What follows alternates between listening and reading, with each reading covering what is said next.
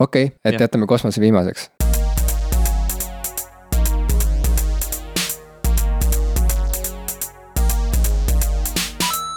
tere, minu nimi on Ivo Krustok tere, minu nimi on Jim Asilevi. ja te kuulate saadet Te kuulate saadet Popkulturistid, mis on sinu lemmiksaade, sest et miks sa muidu meid kuulaksid? loomulikult ma äh,. läksin sujuvalt teie pealt sina peale. ma ei tea, ma mõtlesingi korra, see oli sihuke segadus, kas sa räägid minuga või sa räägid kuulajaga, aga ma sain aru, et sa ikkagi räägid kuulajaga või meie mõlemaga. ma alustasin nii, et ma kujutasin ette, et ma olen nagu ütleme, Aerosmithi solist, et ma olen nagu Jaa. mingi viiekümne tuhande pealise äh, publiku ees, eks Mhm. ole, alustan, et ikka nagu suurelt mõelda. hello nagu kõigile, on ju, et tere teile kõigile ja siis ma vaatasin silma äh, sellele andunud fännile esireas, jah, kes äh, no tõesti, tõesti väga andunult Jah, vaatas, vaatab meie meil poole. tekkis silmside ja ma kohe hakkasin pöörduma tema poole, et this song is for you. nii et põhimõtteliselt ongi nii, et tere kõigile kuulajatele, aga see, mis me nüüd siit edasi räägime, see on mõeldud just sulle, jah, sulle, kes sa meid praegu kuulad, sulle, kallis kuulaja, ainult sulle, väga, väga, väga. eksklusiivselt sulle. Ähm, meil oli eelmine kord hästi lahe saade selles osas, et mulle alati meeldib muusikast õudselt palju rääkida ja et noh, muusika on üks mu meelisteema ja me kuidagi nüüd, kui sa tulid siia mulle külla, me alustasime ka kohe nagu sellest, sellest pihta jälle, et, et need muusikasoovitused, mida me viimane kord tegime, et sina nüüd kuulasid paari plaati, mida mina soovitasin, ma kuulasin äh, QQ-d. Ma ei ma oska juba seda, ma isegi kardan nüüd kuulda neid muljeid, aga okei okay.. ei, väga väga kihvt bänd on, ma, mulle tegelikult selline, selline, sellist tüüpi indie-rock nagu mind kõnetab või mul, mulle meeldib, et ta ei ole nagu liiga mõn-, mõni selline noh, mida kutsutakse indie-rockiks või sihuke alternatiivrock on, on natukene igav või ta on väga-väga üheülbaline, aga nendel oli minu arust üsnagi selline iseloomulik sound, et. Neil on väga iseloomulik sound ja selles mõttes ma olen isegi üllatunud, et sa nimetad neid indie-rock bändiks, sest et ma vist ei oskaks seostada seda muusikat indie-rockiga peaaegu et üldse, ma, ma ütlengi, et ma ei oska seda on- üldse mingisuguse žanri alla lahterdada. noh, see ei ole žanr, eks ole, indie-rock on äh, tegelikult noh, räägitakse, et bändid, kes on label'i alt väljas, noh minu arust neil ikkagi on label ja, ja see nii ehk naa on sihuke üsna mõttetu, mõttetu nimetus, see indie-bänd, eks ole, aga, aga see minu jaoks kirjeldab mingit sellist väga suurt rühma bände, kes, kes minu jaoks nagu vähemalt ühte mingisse, kui mitte žanri, siis sellisesse lähenemise äh,, lähenemise järgi nagu kuidagi kokku tulevad. okei okay,, saan aru. et, et kasvõi seal on ju kuulus äh, muusikaprodutsent äh, Sia, kes kirjutab laule Lady Gagale ja nii edasi, et ta ei, kuidagi ei kajastu indina, eks ole, aga samas mingi osa tema loomingust, mis ta nagu ise teeb, tal on paar sihukest väga kuulsat lugu olnud, Chandelier oli vahepeal ja, ja tal olid siuksed, sihuke väga, väga edukad hitid vahepeal, aga mingi osa tema loomingust minu jaoks nagu kindlasti läheb indie alla jälle, ta teeb midagi nagu teistmoodi. Ja sama on ka selle plaadiga, mis me viimane kord välja tõime äh,, Sanfa Process, et Sanfa ise on hästi edukas muusikaprodutsent teistele muusikutele ja, ja, ja ka on nagu osa sellest nii-öelda muusika label'ite masinavärgist ja asjadest, aga see plaat, mis ta välja tõi, vaata minul jällegi see läheb nagu sinna indie muusika alla, et ta või noh, ma võiks ta nagu sinna panna, sellepärast et ta on, ta on jälle nagu teistmoodi natuke, ta on mm -hmm. sellest, sellest keskstriimist nagu natuke kõrvale mm. -hmm. no ütleme mhm., tegelikkuses sul on õigus, see indie nagu label'ina on suhteliselt mõttetu, eks ole. Ei, indie, ma saan aru, sest ta ongi sihuke, ta on mingisugune staatus või mingisuguse nagu tööviisi mm. Mm. või ma ei tea, ta on sihuke nagu organisatoorne ta termin. feeling'u kirjut- ja feeling ka, aga, aga jah. indie rock minu arust Mhm. vot see just juba teeb selle asja Mhm, kuidagi mhm. spetsiifilisemaks, sellepärast ma ei oskakski nagu, et mis, Sampha mis puhul ma bänd sul indie rockiga seostuks? esmajoones, noh hetkel Deer Hunter ikkagi, sest et see on mu elu lemmik indie rock bänd, kuigi no muidugi Blur lugesin või midagi. ei, Blur, ma ütleks, et ta on Brit- Britpop ikkagi, ta on Mhm. nagu sellest teisest sihukesest traditsioonist mm. Mm -hmm. nagu üheksakümnendate sihuke, mis üheksakümnendatel vastas sellele, millele vastab praegu indie rock on ju ja, ja, aga äh, Deer Hunteri solist samas ühes intervjuus vist Pitchforkile ütles äh, jällegi, et äh, ta nagu tõrgub selle lahterduse mm Mhm, -hmm. vastu, mhm. et nemad on indie rock bänd, et mis mõttes, et kust otsast või noh, et samas ma ütlen, et kõik on nii tundlikud alati selle üle, selle, selle suhtes, et kuidas neid lahterdatakse ja sildistatakse, samamoodi nagu kirjanduses paljud kirjanikud on nagu solvunud, kui neid pannakse mingisse eraldi kategooriasse, noh et, et on nagu ilukirjandus mm. -hmm. mis, mis, mille nagu sihuke mis justkui vihjaks sellele, et see siin on nagu väärt kirjanduse mm -hmm. sektsioon. ja siis on need nagu žanri asjad, mis on siuksed, et noh, et kui sa oled friik, siis mine mm -hmm. nagu mhm. vaata seal nurga taga on sulle midagi filmijaotuses on ju ka, eks ole, žanrifilmid, et need on sellised vesternid ja, ja kosmoseooperid, et noh, nagu jaotus, et on, et meil on nagu väärtfilmid ja siis on mm -hmm. žanrifilmid, eks ole mm, -hmm. see on sihuke huvitav jaotus, millest ma kunagi päris süviti pole aru saanud. no just ja kui ma käisin Londonis vist Waterstones äh, raamatupoes, mis on üks suuremaid äh, raamatukaupluse äh, kette üldse vist, ma ei tea, maailmas või, või vähemalt Inglismaal, et siis Waterstone'is oli oli, ma olin üllatunud, et näiteks Zadie Smithi teosed olid minu arust noh, kui ma nüüd nagu ei saanud valesti aru, siis mulle lihtsalt tundus, et Zadie Smithi teosed ei olnud nagu üldilukirjanduse sektsioonis, vaid olidki näiteks vist nagu African American või mingi nagu Black Writers või mingisugune mm -hmm. sihuke mm sektsioon oli. mingi sihuke inimrühma järgi. jaa, mis on nagu väga huvitav, et Zadie Smith on ju üks tänapäeva hinnatumaid või nagu tuntumaid Briti kirjanikke on ju, või nagu noorema poolsemaid kirjanikke, et. Äh, et noh, huvitav, kuidas inimesed lihtsalt, samas ma olen nagu üks mu lemmikautoreid, Dennis Cooper. kelle tegelased on nagu sageli ongi siuksed teismelised poisid ja mingid keskealised pervertmehed on ju, kes umbes kasutavad neid poisse ära, et sihuke nagu äh,. väga nagu rasked teemad ja sihuke nagu seksuaalne väärkohtlemine ja mingid imelikud ihad ja kõik see on tema nagu läbiv teema. ja noh, automaatselt tema teosed on paljudes, või okei okay,, ma ei tea, kas paljudes, aga noh, ta on nagu maininud ka, et talle isiklikult on nagu arusaamatu, miks ta kohe lahterdub nagu geikirjanduse alla mm, -hmm. sest ta enda arust ei kirjuta geikirjandust, no mm -hmm. et mhm. see ei ole tema nagu lähtepunkt, et istun maha ja hakkan kirjutama nüüd nagu geidele geidest mm. -hmm. ta ei, ta ei mõtle vaid, oma, oma nagu seda sihtrühma ja, niimoodi ja, läbi, et see ongi neil. jah, vaid ta mm -hmm. räägib pigem mingisugusest nagu, tal on mingi oma lähenemine inimlikkusele või sellele mm, -hmm. et mis asi on inimene ja mis asi on jah, mis, mismoodi ta elab. et tema jaoks see nagu ei ole jah Äh, seotud mingisuguse gei missiooniga mm. nagu eraldi. see on jällegi sihuke feeling'u järgi lahterdamine ja väga palju vist mm, kõikidest nendest äh, LGBT, kas ma ütlesin tähed õiges järjeks, see polegi nii oluline. Äh, ja, ja queer kultuuri ja, ja kõik see on ka selline tihtilugu feeling'u järgi lahterdamine või, või et mi-, missugust agendat see täidab või missuguseid mõtteid ta edasi kannab või, või mis, mis lähtepunktist need, need autorid tulevad, et seal ei olegi nagu noh, seal ei üritata üritatagi midagi žanritesse jagada, vaid pigem ongi see, et nagu mis, mis tunded või mis, mis mõtteid see inimestes tekitab võib-olla või, või noh, ka natuke selle, et kes selle, selle lahterduse teeb, see on nagu tema peas, et, et mis ta arvab, et sinna alla sobiks. jaa, aga me alustasime muusikast ja. ikkagi ja lihtsalt enne, kui ma lasen sul jätkata äh, ma ütleks sulle ka aitäh, et sa mainisid eelmises saates Samfat ja, ja King Gizzardit. Äh, sest et kohe pärast äh, meie saate salvestust ma hakkasin neid lähemalt uurima ja ma võin nüüd täna meie järgmises saates või käesolevas saates öelda, et minust on saanud nii Sampha fänn kui ka King Gizzardi fänn, et ma olen väga pühendunult kuulanud nii Process'i kui ka Microtonal Flying Bananat. mõlemad on nagu noh, väga erinevad albumid mm, -hmm. väga erinevad muusikažanrid aga mõlemad on nagu nii, nii ägedad, väga, väga lahe värskendus mu mm. kevadesse mm.. ma just sain nüüd vahepeal kätte ka omale vinüülplaadi sellest Process'ist, sest äh, ta oli mulle väga meeldinud ja, ja siis ma enne naistepäeva hakkasin uurima äh, poest Beat, et, et milliseid plaate võiks,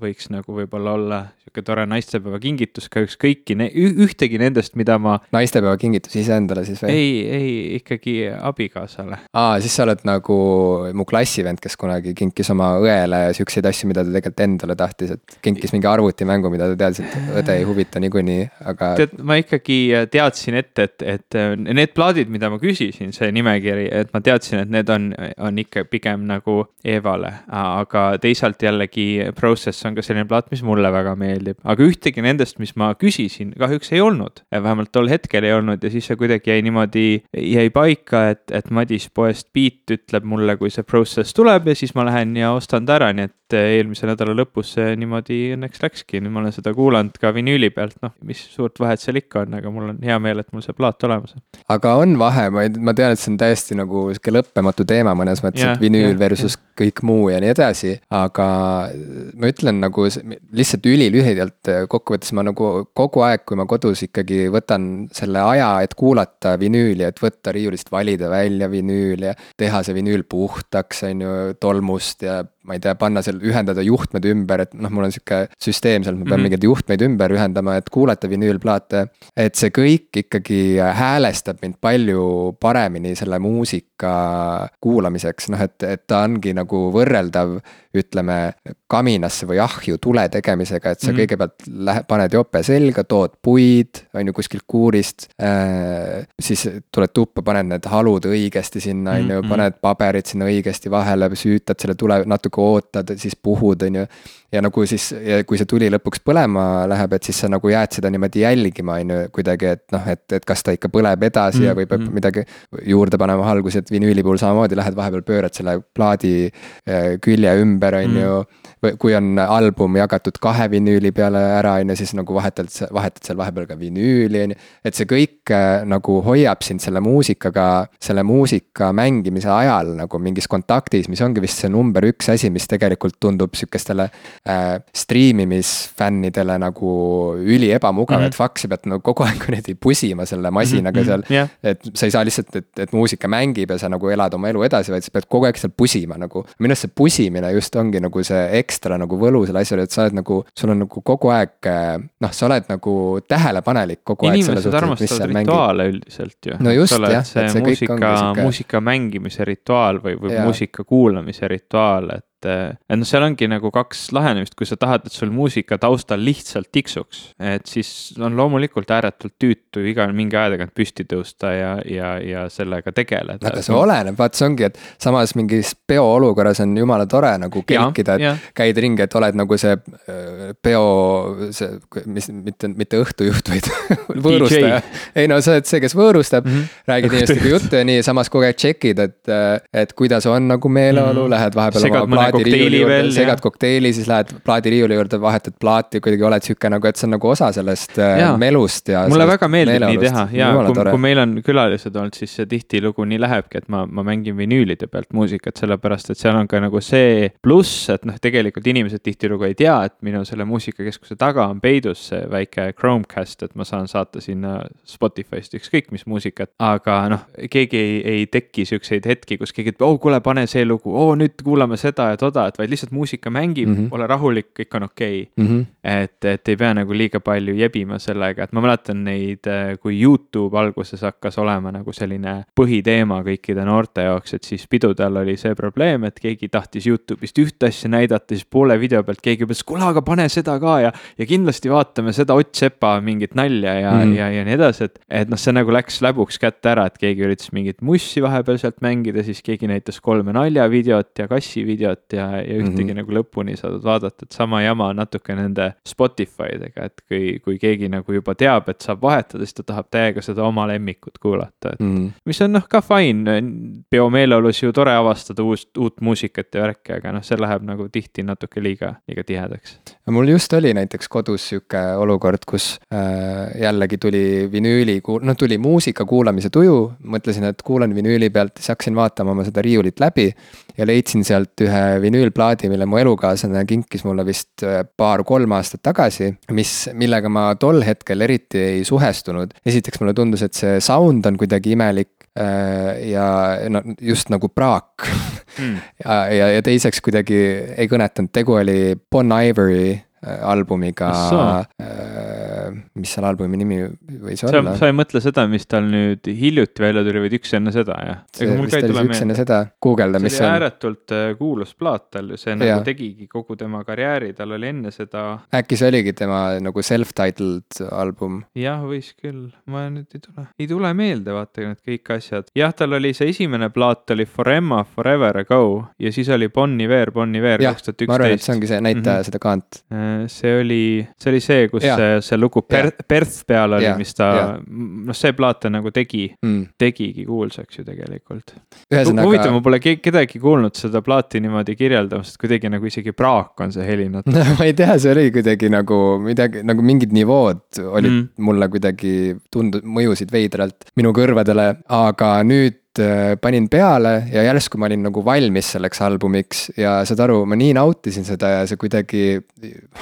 just see element selle juures, et ma ei pannud seda nagu kuidagi juhuslikult Spotify'st mängima, vaid ta oligi mul see, see valmis asi, see, see, see füüsiline objekt, mis nagu ootas mind. et see oli see füüsiline objekt, mis ootas mind riiulis ja ma võtsin ta kätte, ta oli sihuke suur ja ilus, kauni kujundusega, on ju.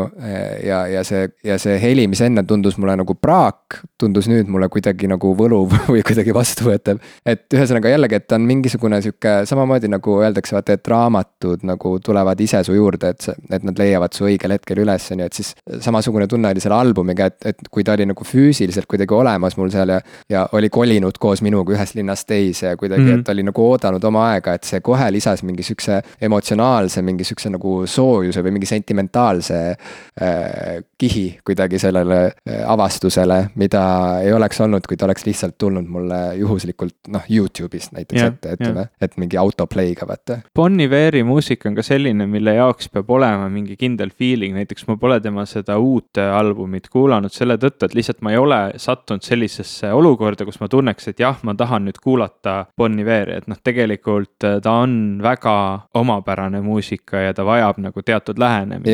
Mõnele ta lihtsalt meeldib, ma saan sellest aru, noh, minu, mina kirjeldaks teda enda jaoks nii, aga tema see helipilt on selline ääretult huvitav ja, ja kuidas ta on loonud siuksed olukorrad, kus on stereokitarrid, nende kaks kitarri eri, eri kõlaritest ja siis nad liiguvad niimoodi kahe kõrva vahelt edasi-tagasi, et mm -hmm. üks ühele poole, teine teisele poole, see tekitab sellised väga voolavad ja, ja, ja kuidagi rütmilised äh, mustrid ka selles, kuidas, kuidas seda plaati mix iti, et jällegi üks sellistest inimestest, kes kasutab helistuudiot instrumendina, et, et väga, väga kihvt, aga plaatidest natukene nagu edasi liikudes, mul oli üks ääretult lahe live kogemus eelmine nädal, ma ei ole hästi ammu kontserdil käinud ja nüüd üks noor Eesti hip-hopi muusik äh,, Eik, varem oli ta nime all ka EiksD, EiksD vist oligi niimoodi, et siis temal tuli välja tema teine täispikk, täispikk plaat ja ta esitles seda siis nüüd äh, kultuuriklubis Kelm. Ja ma käisin seda kuulamas, sellepärast et mulle oli tema muusika juba pikemat aega meeldinud ta on hästi noor poiss, ma isegi ei oska praegu öelda, kui vana ta täpselt on, ma pakun, et äkki seitseteist või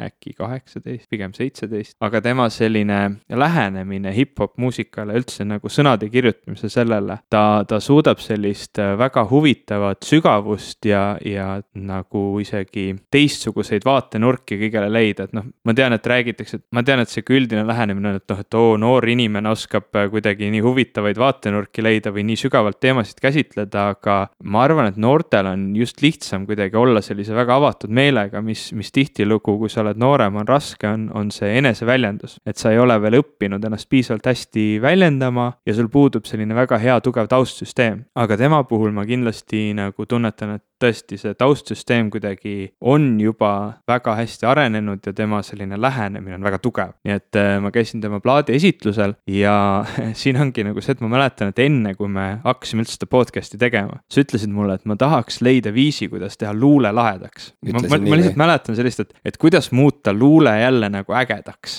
noorte seas. ma mäletan sellist lauset hmm. ja, ja sellel kontserdil. üldse ei mäleta, et no, miks ma üldse oleks pidanud mõtlema sihukese asja peale luule ma, ma ka ei tea, aga see on mulle meelde jäänud. Okay.. ja seal kontserdil äh, siis äh, oligi nagu niimoodi, et äh, iga mingi aja tagant, näiteks jälle olid need paar sihukest ägedat räpilugu ja siis oli vaikus, tuli lavale näiteks noormees või neiu. Need olid vist kas tema klassikaaslased või koolikaaslased või, või lihtsalt sõbrad. Ja siis lugesid luuletusi. väga ilusaid luuletusi oli, täitsa hästi sobis see kõik nagu kokku, aga see oligi selline väga huvitav kontrast, et on kõva pidu ja möll käib, järsku on vaikus, keegi tuleb lavale, plaksutatakse, loeb luuletuse, plaksutatakse, pidu läheb edasi mm.. et äh, võib-olla see on nagu see viis, äh, kuidas siis luulet äh, noortele lähemale tuua. jaa, sest et ega kirjandus ju üleüldse ja, ja kõne ja kõik see on ju tulnud suulisest traditsioonist, on ju, ja, ja ikkagi ütleme, läänes on väga hästi läinud sellisel spoken word mm. luulel, eks ole. ja noh, räpp on selle viinud uuele tasemele, aga Eestis jällegi sihukest nagu, seda on vahel tõlgitud nii, et luuleprõmme väga huvitav tõlge. luuleprõmmimist või sihukest, no poetry slam on ju. aa, okei, vaata, kui et, sa pead ütlema inglisekeelse sõna, et ma peaksin eestikeelsest aru saama, vot siis see vist ei toimi väga. ja, ja et neid, neid on toimunud, ma ei ole käinud ise ühelgi, aga ähm, samas natuke nagu kardan ka minna. Äkki prõmmitakse läbi kuidagi? prõmmitakse kuidagi täiesti läbi jah, et, et ma pigem olen näinud video vahendusel äh, mingeid asju, noh, et kunagi ma mäletan mingilt Soome kanalilt äh, teismelisena ma nägin Saul Williamsiga ühte poetry slam'i teemalist filmi, kus ta mängis mingit noh, poeeti on ju, nii nagu ta umbes no, päriselus ka on ja. ja siis mulle tundus see nagu super äge, ma mõtlesin, et vau wow,, noh, et sihuke asi, noh, et ta ongi nagu, ta on nagu noh, räpp mis ei vaja muusika tuge mm, -hmm. vaid mhm. ta, et see sõnajõud ise juba ongi nagu see kandev jõud, on ju, et mm, -hmm. et ta ei, et, et ta ei vaja mingit ekstra rütmi endale taha, sest et see rütm on seal sõnas juba sees ja, ja kõik see muu on ka seal juba olemas ja et, et see, et need esitajad nagu tundusid nii võimsad ja kuidagi nagu andekad ähm,. jah, et, et muidugi, kui sihuke asi nagu Eestis kuidagi käima läheb, et kui sa räägid, et seal kontserdil juba nagu asi toimiski kuidagi niimoodi, et rahvas oli kaasas ja et see ei tundunud tundunud kellelegi imelik, et keset pidu peab järsku mm -hmm. nagu mhm. hakkama luuleminuteid kuulama, et väga äge, et sihuke nagu ETV formaadis sihuke küünal põleb ja kaamera aegluubis liigub nagu mingi. ümber, ümber tühedas, kunstnikku. jah -hmm., tüheda, tühjas kõledas mingis nagu, ma ei tea, vanas tehase ruumis nagu istub pingi peal või taburetil istub poeet ja siis nagu vaatab ainiti kaamerasse mm. ja loeb oma luuleread ette, ma ei tea et see en, nagu... enne Aktuaalset kaamerat, et ikka inimesed oleksid rahulikult tooli peal ja. jah, et no selle saate tegemisega olid minu äh, lähedased sõbrad tegelikult seotud, kursakaaslased on ju.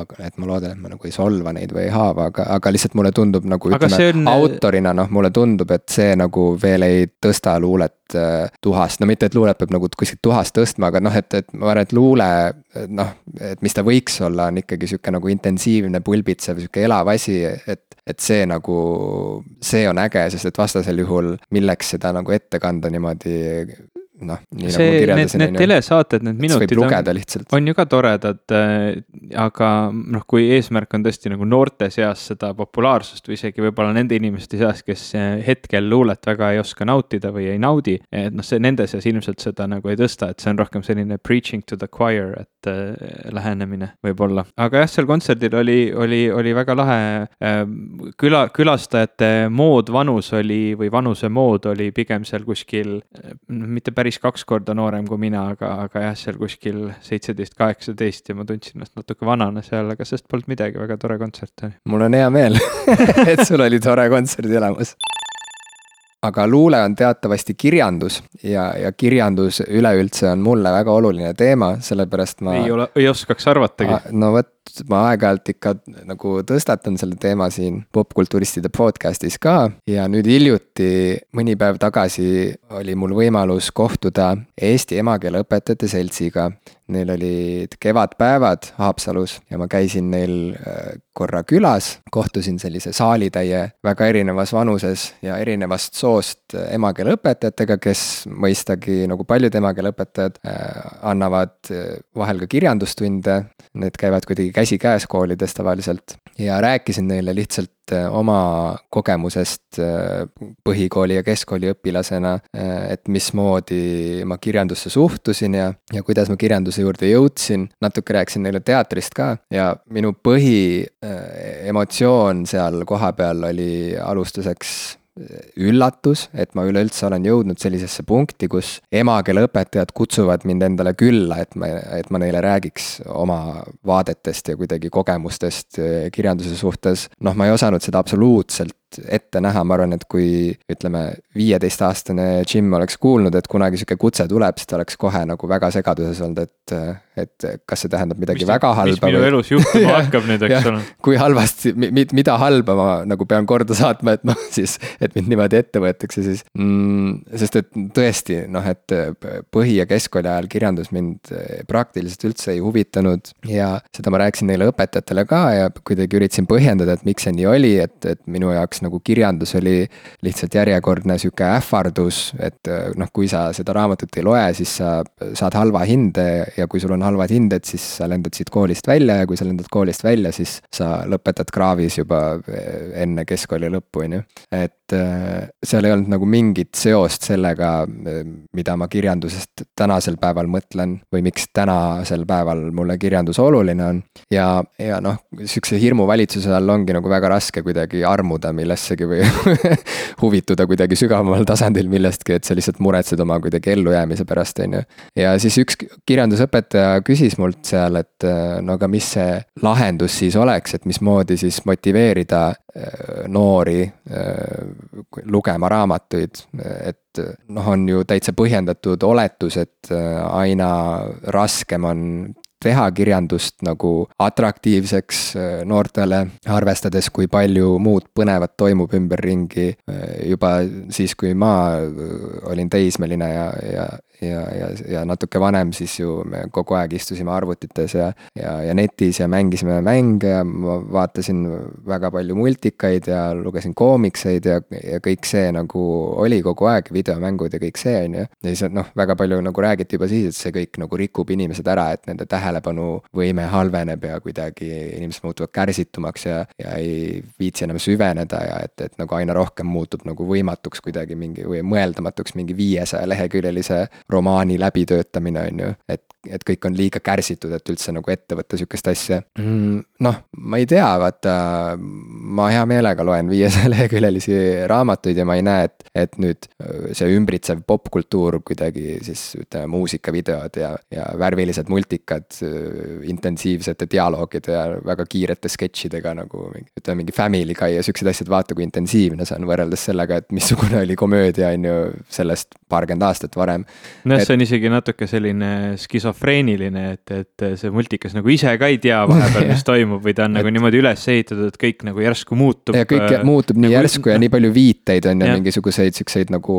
popkultuur tänapäeval, eks ole. ja, et noh, ma ei näe, et seal oleks mingi vastuolu, on ju, et, et kui sa seda fännad, siis sa ilmselt kirjandust ei hakka enam kunagi fännama nagu, et noh, miks, et ma olen elav näide sellest, et see ju ei ole nii, on ju. ja noh, mul kahjuks puuduvad andmed nagu üldisema sihukese sotsioloogilise sotsioloogiliste tendentside kohta, et, et, et kas ma olen mingi erandlik näide või siis ma olen mingi sihuke Harju keskmine, on ju, selle, selle no, koha pealt. inimesed et... ikka loevad veel, poed ei ole kinni pandud ja no just poode tuleb aina juurde. Äh, eks ole, telekas. ja pigem ongi nagu ainsad uuringu tulemused, mida ma olen äh, näinud, ongi need, et raamatuid trükitakse üha rohkem, raamatuid ostetakse üha rohkem, raamatuid kirjutatakse ja toodetakse üha rohkem. ja noh, inimeste lugemus on suurem, üldse lugemisoskus on levinum mm -hmm. kui kunagi varem ja nii edasi, on ju, et. et kui äh, Dostojevski oma teoseid avaldas, siis oli nagu noh, inimesi, kes päriselt lugesid, oli nagu rahvastiku, see suhtarv oli nagu nii palju. see vahe oli väga suur tänapäevaga, väga palju vähem lugejaid oli tegelikult, on ju. et võib-olla see oligi lihtsalt see, et sihuke kaunid kunstid, ilukirjandus ja kõik see oli rohkem sihukese nagu valitud seltskonna mm, teema, on ju. Mhm. et, et pööbel nagu ei pääsenud sinna ligi või, või nagu ei olnud kuidagi nagu seotud selle, selle kultuuri huviga või selle kultuuriringiga üldse. aga ühesõnaga, et, et jah, mult küsiti, et mida, kuidas siis lahendada, on ju. ja ma ei osanud öelda seda, ma ei osanud seda öelda ja kohe tekkis nagu kuidagi halb tunne nagu, et noh, et, et kuidas see nüüd siis nagu, on ju, alustada oma juttu sellest, et aa, ilgelt halb oli koolis, et kogu aeg nagu ähvardati, on ju, et saad kahe, kui sa ei loe seda raamatut. nõmedad, siis ja, mic drop ja lahkud. õpetajad olid fucking nõmedad, head aega et püüdke nagu ise kuidagi siis nüüd yeah. paremad olla, on ju et minusuguseid noori talente juba eos on ju nagu kuidagi nagu. lämmatate meid ära. ära ei lämmataks yeah. ja üks õpetaja küsis ka, et kas, kas on võimalik siis, et õpetaja võibki kirjanduse mõne inimese jaoks eluks ajaks ära rikkuda. sellega, et ta lihtsalt õpetab valesti ja siis keegi nagu veel sealt, keegi, keegi teine õpetaja kohe ütles ka nagu oma nurgast nagu, et jaa, loomulikult. nagu kuidagi sihuke morn nagu atmosfäär tekkis korraks. kõik, kõigil ja oli siis... kuidagi halb olla sinu kõne peale. ei no ma ajasin neid naerma ka ja nii, aga aga, aga naljakas oligi see, et või no ma kohe ütlesin, et ei, minu arust ei, päris nii ei saa nagu öelda, sellega nagu kohe nagu lükkab hullult suure vastutuse õp mm õpetaja õlule, on ju. ega oma tegemist on ikka inimese enda teha, eks. jaa, just, aga no mida sina arvad, et mismoodi äh, näidata või tõestada nagu tänapäeva noorele, et kirjandus on elav asi ja et sellega on võimalik nagu väga põnevalt kuidagi suhestuda, et see võib kõnetada teda mingil väga isiklikul ja intensiivsel moel. ma arvan, et äh, mul on nagu pikka aega sellele mõelnud ühte või teistpidi ja ma ei ole kindel, kas minu arvamused selles osas tegelikult praktikas toimiksid, aga ma olen kogu aeg juba tegelikult keskkoolis, kus ma väga aktiivselt ka näiteks oma kirjandusõpetajaga sel teemal vestlesin ja mõtlesin väga palju nagu nendele küsimustele, et, et noh, miks me seda loeme, mida ma tegelikult tahaksin lugeda ja kõike seda. et seal oli nagu väga selge vahe sees nendel raamatutel, mida mulle meeldis lugeda ja mis, mis ei tekitanud minus mitte mingit huvi. ja see peamine vahe oli see, et, et kui see raamat sisaldas sisu, millega ma ei suutnud absoluutselt samastuda, kui see raamat rääkis inimestest, kes olid minu jaoks nii kauged, et sama hästi oleksid nad võinud olla noh, olemata. või see raamat rääkis teemadest, mis olid liiga keerulised, et ma neid suudaksin seitsmeteist, kaheksateist aastasena või, või nooremana, kui me räägime põhikoolist, üldse nagu aduda. et siis äh, see, see ei pane mind lugema, et äh, ma ikkagi leian, et selline eakohalisus, et need raamatud tõesti oleksid mõeldud sellele vanusele äh, ja teine asi see, et need raamatud räägiksid maailmast, mida need noored kogevad. eks ole, kõige populaarsemad raamatud, äh, mida me praegu näeme või, või nüüd on juba, ma olen ise juba vanaks jäänud, eks ole, et siis, kui mina keskkoolis käisin, kõige popimad raamatud olid Harry Potteri raamatud. jah, need ei räägi elust, mida noored tänapäeval kogevad, aga nad räägivad tänapäeva noortele noortest inimestest, lihtsalt nad on paigutatud sellisesse fantaasia keskkonda. ja, ja samamoodi selline äh,, kuidas seda kutsutakse eesti keeles, on young adult, eks ole, see, see kirjandus või no, noore no,, noortekirjandus no,. ei, nii, veel lihtsalt öeldakse noortekirjandus, jah. et see noortekirjandus, kui, kui jällegi asi, mis pole žanr, aga on selline, selline nii-öelda feeling'u värk, eks ole, et see noortekirjandus on ju ääretult populaarne, need autorid on üle maailma, neid loetakse väga-väga palju ka Ross podcast'i ja John Green, eks ole, on kirjutanud mitu raamatut, millest on saanud väga edukad filmid.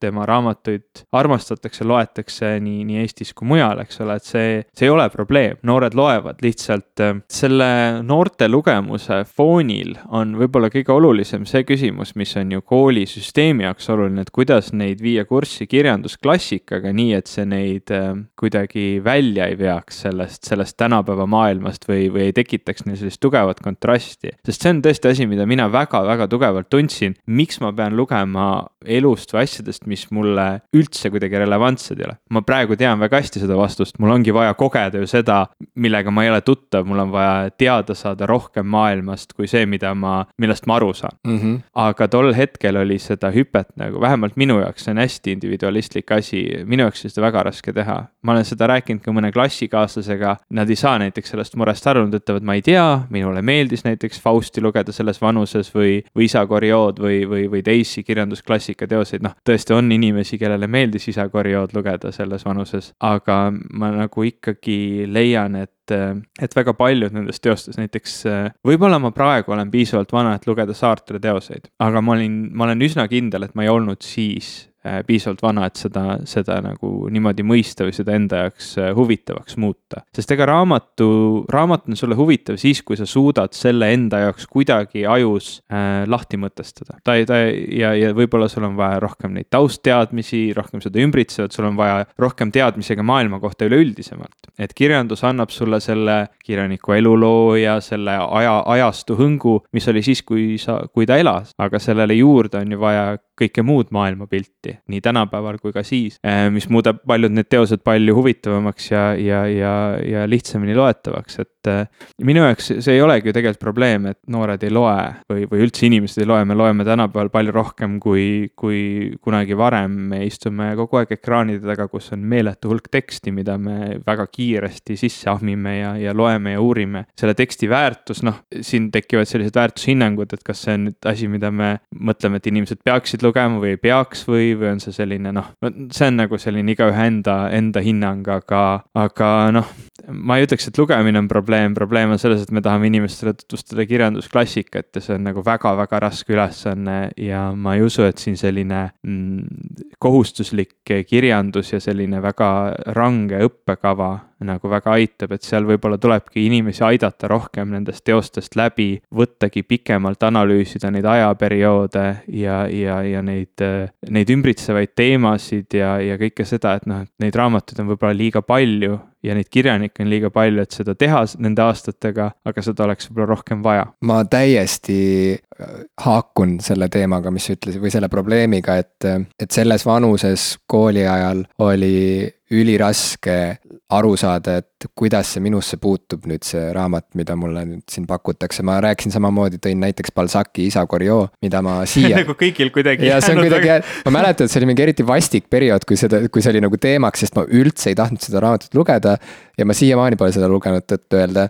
ja noh, ainus asi, mida ma mäletan sellest raamatust oli see, et mingil hetkel keegi mainis, et seal olid mingid, et seal majas olid kollased seinad ja siis see oli mingi. see oli sihuke väga, väga realistlik kirjandus või et nagu kõike tuli kirjeldada ülima detailsuseni ja, ja, ja see muutis selle raamatu lugemise veel kuidagi eriti aeglaseks. ja, ja noh, ja noh, see on Balzac ja ma olen hiljem lugenud oma kursavenna Sass Henno soovitusel kunagi ülikooli ajal siis lugesin Balzaci elulugu, mille kirjutas Stefan Zweig ja see oli Sassi üks lemmikraamatuid üldse.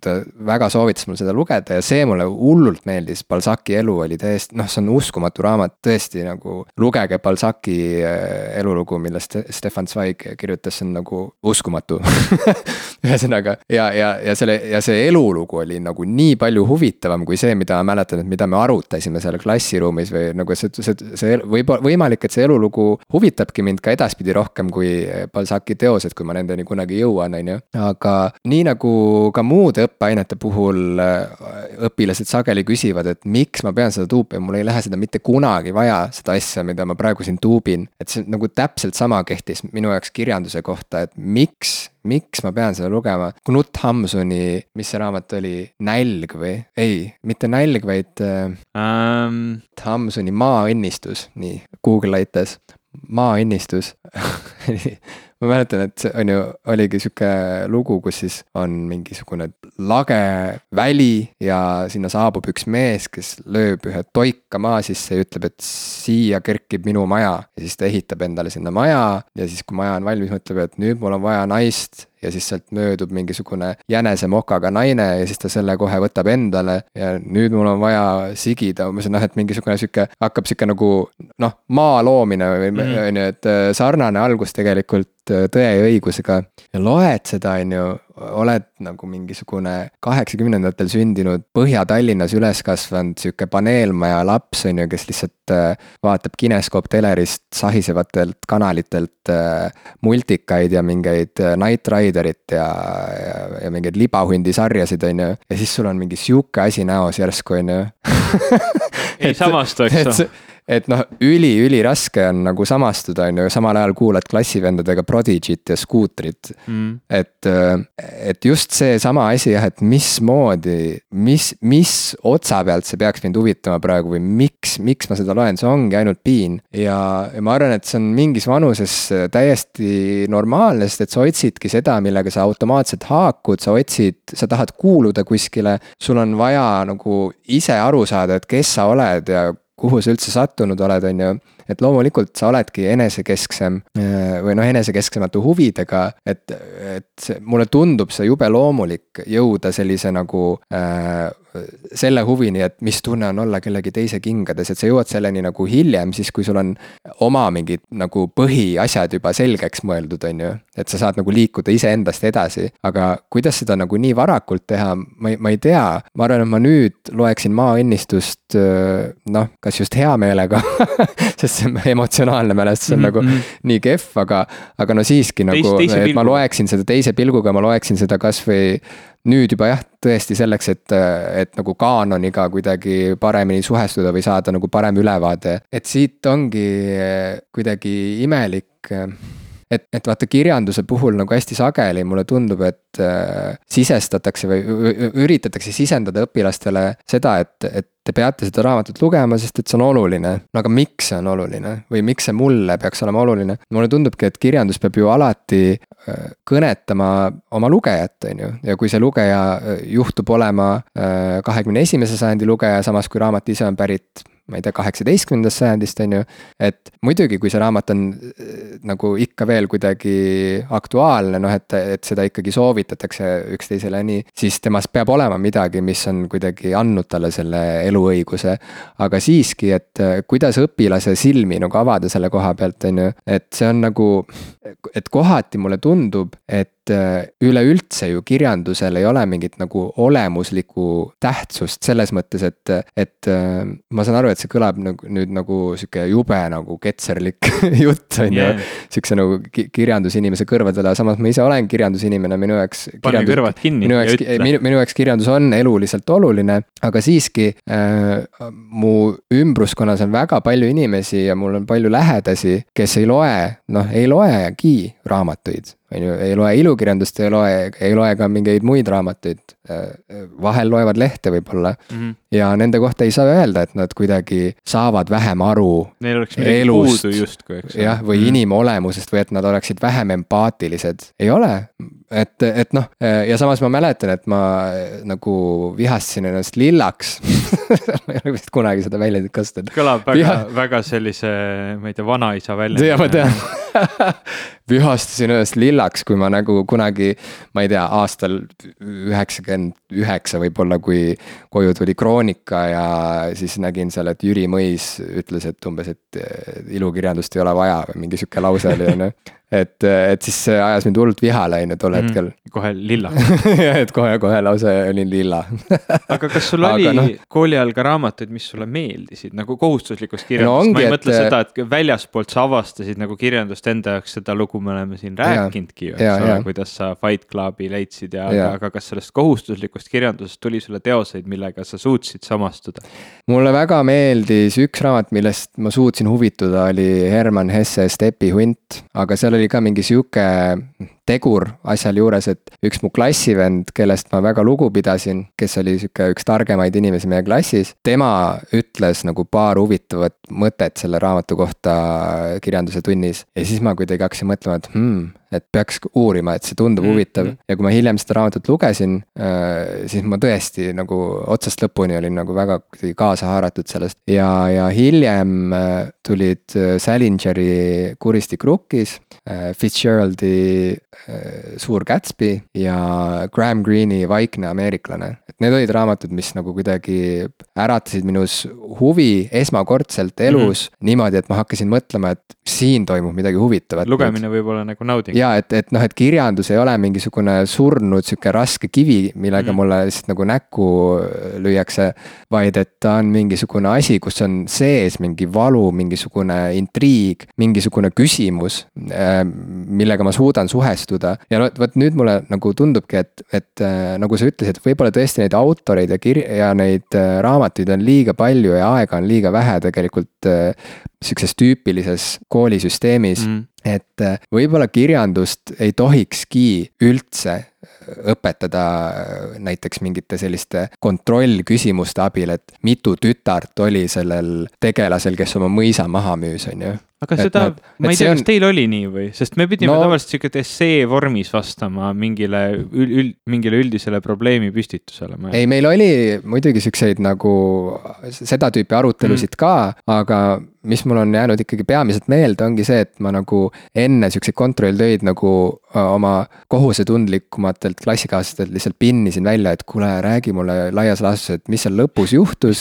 kes, kes surma sai ja miks ja et kes seal see pahategelane mm -hmm. siis oli ja mis ta probleem oli, et. et mingid siuksed nagu bullet point'id, paljud inimesed siis, siis ka sai populaarseks see Spark Notes'i mm -hmm. lehekülg, mida ma ei tea, kas tänapäeval üldse on enam olemas ja seal olid lühikokkuvõtted.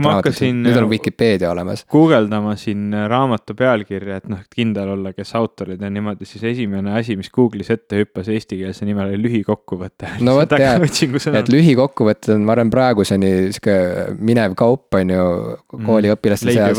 Äh, et noh, see näitab, et tegelikult nagu vahel andis petta ära õpetas, õpetaja juba sellega, et sa lugesid selle lühikokkuvõtte läbi, jätsid mingid tähtsamad faktid meelde ja siis said sellega sai, said oma mulli. nelja või viie kätte, on ju. et, et mulle tundub, et see on nagu täiesti vale mm. lähenemisnurk, et kui sa tahad kontrollida, kas õpilane luges või mitte. okei okay,, ma saan aru, et siis on jah, see on nagu, see on selline instrument, millega sa saad nagu tuvastada, et kas luges või mitte, kas ta valetab mulle või ei valeta. aga see ei ole ju kirjanduse eesmärk üldsegi ja. nagu, et noh, et mulle tundubki, et õigem ongi pigem arutada neid ideid. ma, ma ei tea, mulle tuleb silme ette kohe sihuke antiigiaegne sihuke nagu filosoofia kool, vaata mm, -hmm. kus mhm. nagu läksidki selle õpetajaga jalutuskäigule ja, ja. mõtestame kuidagi ja, lahti kõike ja te koos mm -hmm. nagu seal keset loodust kuidagi nagu rääkisite üleüldse sellest, et mis see elu üldse on ja miks me siin oleme, on ju, kes me oleme et ma arvan, et kirjandus samamoodi võiks olla hüppelaud sedalaadi aruteludeks ja mm -hmm. vestlusteks. et sealt, seal ei tohiks üldse olla seda mingit hirmunooti või seda mingit nagu ähvardust sees, et äh, kui sa ei loe, siis sa oled kuidagi halb õpilane, sa oled halb, sa oled loll. halb inimene, sa ei ole kultuurne. jah, et, et sa ei ole kultuurne, et äh, ma, ma ei tea, kas, kas kunagi on mõni autor kirjutanud mõne raamatu selleks, et ma kirjutan romaani, et inimesed saaksid kultuursemateks nagu mm., et nad loevad selle läbi, siis nad on ka kultuursed, nii nagu Lõpuks mina ameti. olen. noh, et eh, kas, kas mõni kirjanik üldse kunagi nagu tahab, et eh, keegi kardaks tema raamatut, eh, keegi, et keegi nagu tunneks halvasti ennast sellepärast, et ta peab lugema tema raamatut mm. -hmm. kas Shakespeare tahtis, et kõik tänapäeval koolis õppivad ja tegelikult juba aastakümneid Inglismaa koolides õppivaid õpilasi teda vihkaks elu lõpuni? no et see on nagu mulle tundub, et asi jääb selle nagu õpp-, õpetamismetoodika taha natukene, isegi mitte, mitte selle taha, et noored tahavad olla internetis. kogu selle süsteemi taha, et me, me nagu eeldame, et me justkui peame looma kogu selle, kogu selle taaga sinna taha, et nüüd see õpilane läheb koolist välja, ta tunneb kogu ajalugu, kogu, ma ei tea, tausta matemaatikas, kogu tausta füüsikas, kõiki tähtsaid heliloojaid, kõiki tähtsaid kunstnikke, kõiki tähtsaid kirjanikke ja nende kõige tähtsamaid teoseid, sest siis ta saab alles olla inimene, siis tal on see nii-öelda, me oleme ta update inud sellega, et mis on tänapäevani tehtud, nüüd mine ja tee edasi, eks ole, et, et see on nagu ääretult suur ja raske ülesanne, mida endale seada, sest noh, maailmas on nii palju ju olulist ja tähtsat ja samamoodi see kirjanike valik, eks ole, see on ju taastootev, sa ütlesid, et kui see raamat on tänini püsinud lugemuses, et siis justkui ta peaks, peaks ju kuidagi väärtust, väärtustama seda. ta on püsinud lugemuses suuresti, sest me oleme leidnud, et noh, jah, nüüd järgmine aasta ka jälle loeme seda ja järgmine aasta ka ja nüüd on juba kümme aastat loetud ja varsti on juba sada aastat loetud, et noh, noh, ta, ta nagu taastoodab ennast natuke, see süsteem ja, ja need uued kirjanikud tulevadki kuidagi pigem sinna süsteemi niimoodi sisse, et, et noh, näed, noored tänapäeval loevad seda, nüüd see Harry Potter istub sada aastat seal kõrval, eks ole, kui see enam kellelegi huvi ilmselt või, või võib-olla ei paku. et, et selles suhtes me eeldame koolilastelt asju, mis ei ole inimlikud, mida, mida mitte keegi pärast kooli lõpetamist ei tee. me ütleme koolilastele, sa oled paha matemaatikas, sa pead seda rohkem tegema. kui inimene tuleb koolist välja, siis ütle talle, sa oled paha matemaatikas, mine tee hoopis seda, selles sa oled hea, ära, ära tee matemaatikat siin praegu, sa ei ole selles väga hea. noh, see muidugi inimesel ei ole hea öelda ka niimoodi, et sa oled selles paha, aga noh, töömaastikul sa ju nii lähened, sa lähed tööle sinna, kus sa ikka noh, hästi oskad oma tööd teha, ideaalis. ja raamatutega samamoodi, me ei, me ei ütle inimesele, kui ta läheb poodi ostma krimiromaane, sest need on tema lemmikkirjandus, ta ainult krimiromaane loekski, ütleb, et sa loed juba nii palju krimiromaane, et kuule, võta nüüd üks, üks mingisugune, mul ei tulegi kohe mingi võta, võta see noort no,, noortekirjanduse raamat ja loe seda. ta ei taha, ta, ta on harjunud neid lugema, ta tahab neid lugeda, see on see, mida, mida ta teeb, eks ole, noh, inimene võib muidugi oma silmapiiri laiendada, kui tal selleks on soov, aga selleks tõesti peab olema mingisugune seest tulev soov või, või väljast mingi faktor nagu sinul see sõber, keda sa austasid, kes ütles sulle, et, et see on äge mm. -hmm. või, või need sõbrad, eks ole mm, -hmm. tegelikult. ja kui ma mõtlen tagasi enda keskkooli kogemuse peale, siis, siis need raamatud, mis minule nagu kõige rohkem tundeid tekitasid, ma mäletan, Triumfikaar mulle ääretult meeldis. mitte otseselt sellepärast, mis see sisu on, pärast mitmeid aastaid me tegelikult väga täpselt ei mäletagi seda sisu, aga mulle meeldis selle raamatu atmosfäär, mulle meeldis see feeling, mida see raamat tekitas ja see, see nagu kõik, mis seda tegevust ümbritses ja sama on mul tegelikult ka, ma siiani ei mäleta mäleta selle raamatu nime, ma tõesti ei tea, kes selle kirjutas, mis see oli, see oli üks Eesti kirjanik ja minu arust see rääkis ühest mehest, kes oli äkki filosoof, ta tahtis kirjutada raamatu mingist filosoofist ja ta naine ja laps läksid vist kuhugi suvekodusse ära ja tema jäi maha mingit raamatut kirjutama ja siis ta leidis mingisuguse teise naise, kellega vahepeal seal suvel nagu nii-öelda suvearmastust elada ja siis pärast vist tuli naine tagasi ja elu läks kuidagi edasi. mul, mul ei ole meeles väga täpselt ei see sisu ega see raamat, aga mulle, ma mäletan, et mulle meeldis selle raamatu atmosfäär. Ja see on nii individuaalne see, see meeldis mulle, aga näiteks teisele õpilasele see absoluutselt ei, ei, ei samastunud talle, see, see ei klikkinud talle ja nii sa ei saa talle seda õpetada mm. -hmm. nii et see ongi väga-väga raske ülesanne, et me justkui peaksime jube kiiresti, jube palju kirjandust väga erinevatele inimestele kõigile ühtemoodi nagu sisse ajama mm -hmm. ja mhm. see, see lihtsalt noh, see ei saagi toimida tegelikult. ja no isegi see nüanss ju on äh, mingi vanuseni kuidagi, sa ei pääse sellele ligi, et sul ei pea tingimata meeldima mingi asi, et sellest huvi, et sellest huvituda et ja. sulle ei peagi meeldima mingisugune romaan, aga sa võid olla ikkagi väga huvitatud sellest ja ma praegusel ajal ikkagi loengi sageli mingeid raamatuid, mida, mida lugedes ma nagu tunnen, et mulle lihtsalt nagu tõesti ei meeldi see, aga mul on nagu vaja seda lugeda mingitel teistel mm -hmm. põhjustel. et saada aru millestki, noh, et saada millestki aru. ja midagi, mulle meenub, et Andrus Kivirähk ka ühes oma, kas intervjuus võib-olla või, või oma kolumnis ütles, et tema arvates ei peaks tõde ja õigust koolilastele peale suruma samamoodi nagu ei hakata ju nagu väga noortele inimestele tuumafüüsikat kohe õpetama. ma arvan, et siin ongi see oluline mingisugune, noh, oluline moment, et, et äh, mulle tundub, et vahel ka, või noh, ma ei tea, kas keegi on päriselt nii ignorantne, et arvab, et, et kui sa juba lugeda oskad, siis sa ju võid lugeda kõike või midagi, okei okay,, vast, vast niimoodi ei mõtle ükski õpetaja, aga lihtsalt äh, võib seada küll kahtluse alla seda, et miks peaksid näiteks kooliõpilased, ütleme üheksandas klassis või mm, -hmm. või isegi ma ei tea, et mõnes mõttes isegi, et kaheteistkümnendas klassis, et miks nad peaksid lugema Tõde ja õigust. mina, äh, kui ma nüüd hakkasin lugema Tõde ja õigust, äh, ütleme võib-olla neli aastat tagasi, kui ma hakkasin seda esimest osa lugema, siis mu esimene reaktsioon oli see, et ma olin üllatunud, kui noored Grõõt ja Andres on, kui nad Vargamäele saabuvad. ja see oli nagu esimene asi, mis, mida ma nagu ei osanud oodata, sest et vaata kooli ajal on kuidagi, ma ei tea, see levinud arvamus on see, et, et see, et see tegevus toimub mingil vanal hallil ajal, siis kui olid olemas ainult kivid mm. -hmm.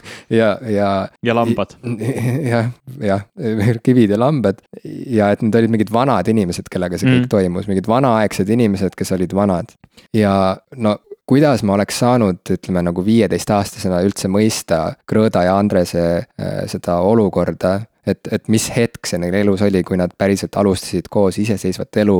Nad üritasid, on ju, neil olid ka laenud kaelas on ju, kodulaen põhimõtteliselt mm üritasid nagu, on ju, hakata nagu looma oma kodu, oma pere, et see kõik nagu need teemad ja mida see päriselt tähendab, need, need valikud ja küsimused inimese elus. no sa ei saa ju mõista seda, kui sa ei ole seda kogenud. Sa elad ise hoopis teist elu nagu teismelisena. et ühesõnaga muidugi on mingid üldinimlikud teemad, millele nagu saab mõelda juba väga varasest east peale, nagu näiteks surm, on ju, kasvõi et, et see on ka mingisugune oluline teema ju, on ju. nii Tões ja õiguses kui ka üleüldse ütleme kõigis raamatutes üldse, mis on kunagi kirjutatud aga noh, et vot siin on nagu see, et, et see on nagu oluline, see on väga oluline küsimus, et mismoodi äh, luua kontakt õpilase ja, ja kirjandusteose vahel. ja see alati peab nagu alguse saama mingilt väga isiklikult pinnalt tegelikult. ja senikaua, kuni kirjandus on lihtsalt mingisugune nagu järjekordne kohustus, sa pead lugema, sest see on oluline, on ju. ja kui sa seda seost ei leia enda jaoks, siis sa oled lihtsalt, siis viga on sinus, siis ongi juba käärid, mingid väga massiivsed käärid Ivo, ma tean, et eh, noh, sa oled mitu korda öelnud, et, et sa ei ole suur ilukirjanduse lugeja ja et, et sa pigem eelistad populaarteaduslikku kirjandust. Ja ma pean sind nüüd tänama sest et eh, sina ja Eeva, te kinkisite mulle ühe ülilaheda raamatu, mida ma veel ei ole lõpuni lugenud, mis on mul veel pooleli, aga tegu on siis Chris Hadfieldi eh, raamatuga An astronaut's guide to life on earth see on äh, astronaudi mm, memuaar põhimõtteliselt, äh, kus ta siis räägib üksipulgi lahti oma teekonna, äh, oma väga ebatõenäolise teekonna ühest Kanada poisiklutist siis üheks maailma nagu eesrindlikumaks astronaudiks, hinnatumaks astronaudiks. Ja no see raamat lihtsalt lõi niimoodi lõkkele kogu mu selle kosmosearmastuse ja kosmosehuvi jälle et see oli, see oli, noh, see oli fantastiline et see, mida ma sealt äh, lugesin juba, juba, juba algusest peale.